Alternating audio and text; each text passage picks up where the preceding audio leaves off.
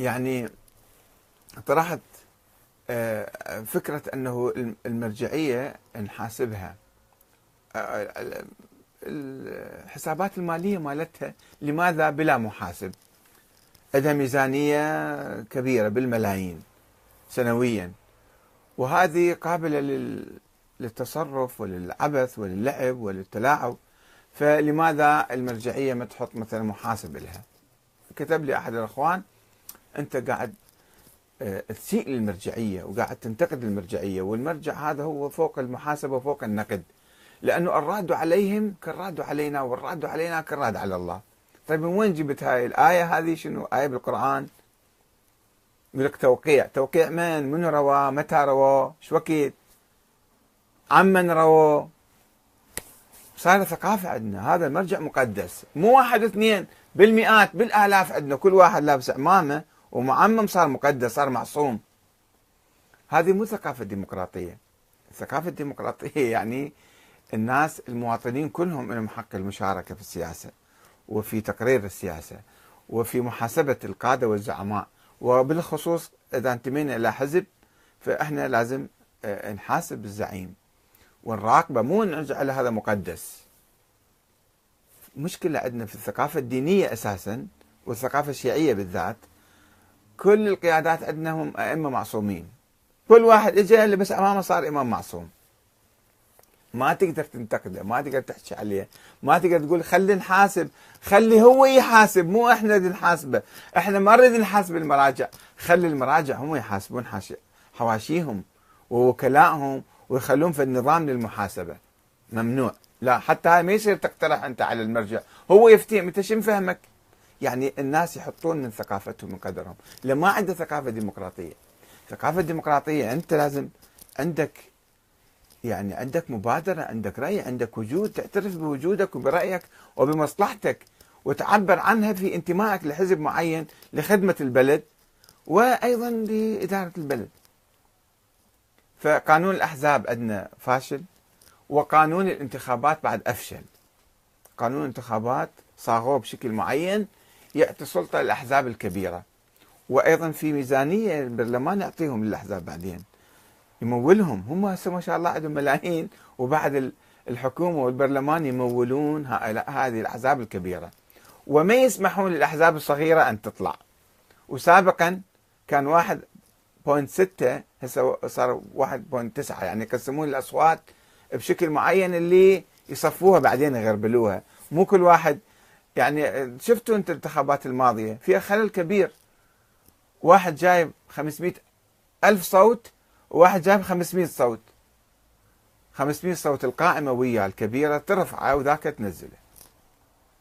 ما يقدر يصعد ليش؟ في خلل. لأنه هذا صار يعني النائب في هالمنطقة. مو مو مو النائب الحقيقي مو المعبر الحقيقي. هذا جاي الحزب الكبير رفعه القائمة المغلقة اللي كانت. شوية فتحوها وسام أغلقوها مرة ثانية. فالقائمة الكبيرة القائمة المفتوحة أو المغلقة يعني ما يصير يعني هي تأثر على الانتخابات. لازم في كل منطقة أي واحد يفوز بأكثر الأصوات هو يطلع. مو لأنه ينتمي لقائمة كبيرة افترض السيد نور المالكي في بغداد جاب بالملايين مثلا.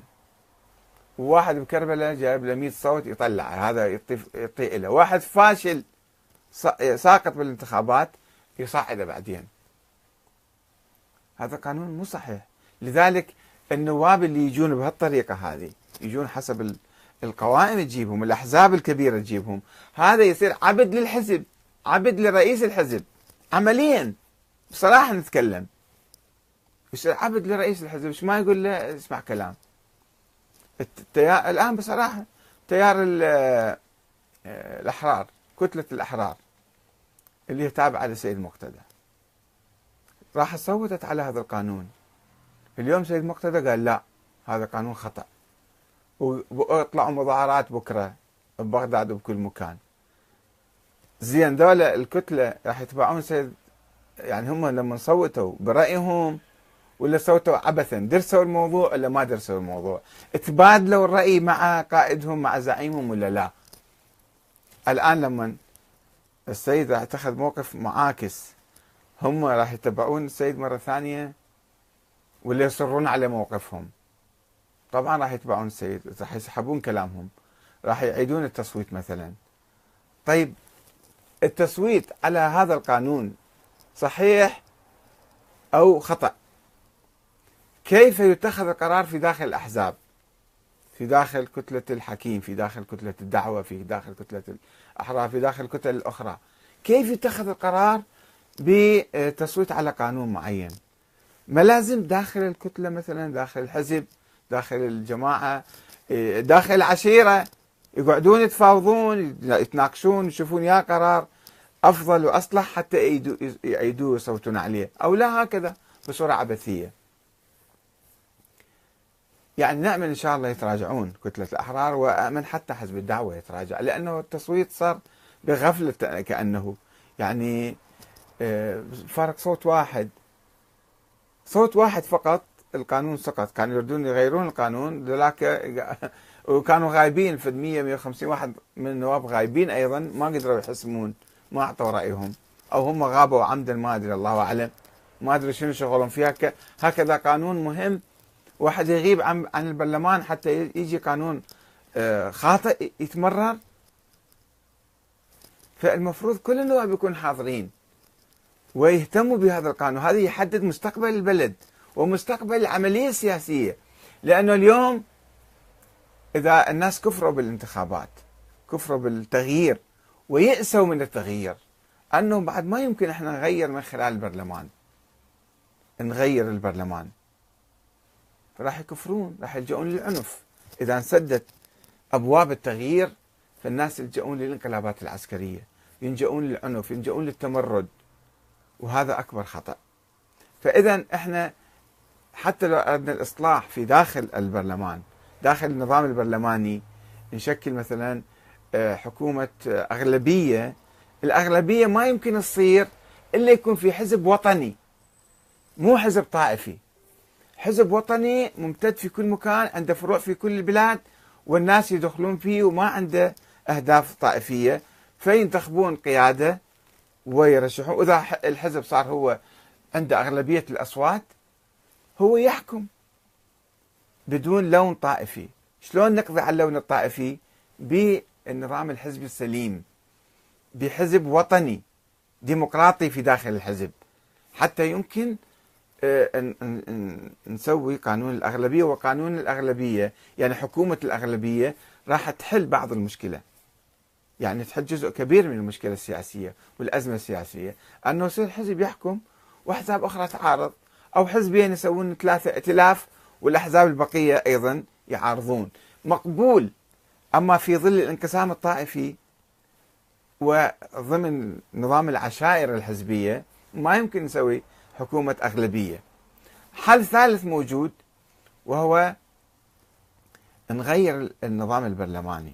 وهذه دعوات كثيرة.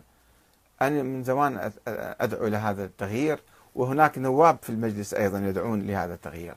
ولكن بعد ما صاير يعني ثقافة عامة أو اتجاه قوي حتى يصير تغيير. بس إذا صار كلام حول الموضوع يمكن النواب أيضا يسمعون ويغيرون.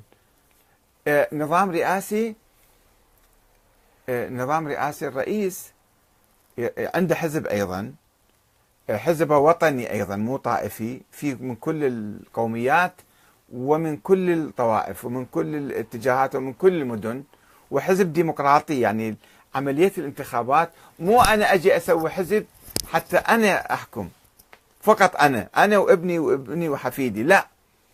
حزب مفتوح.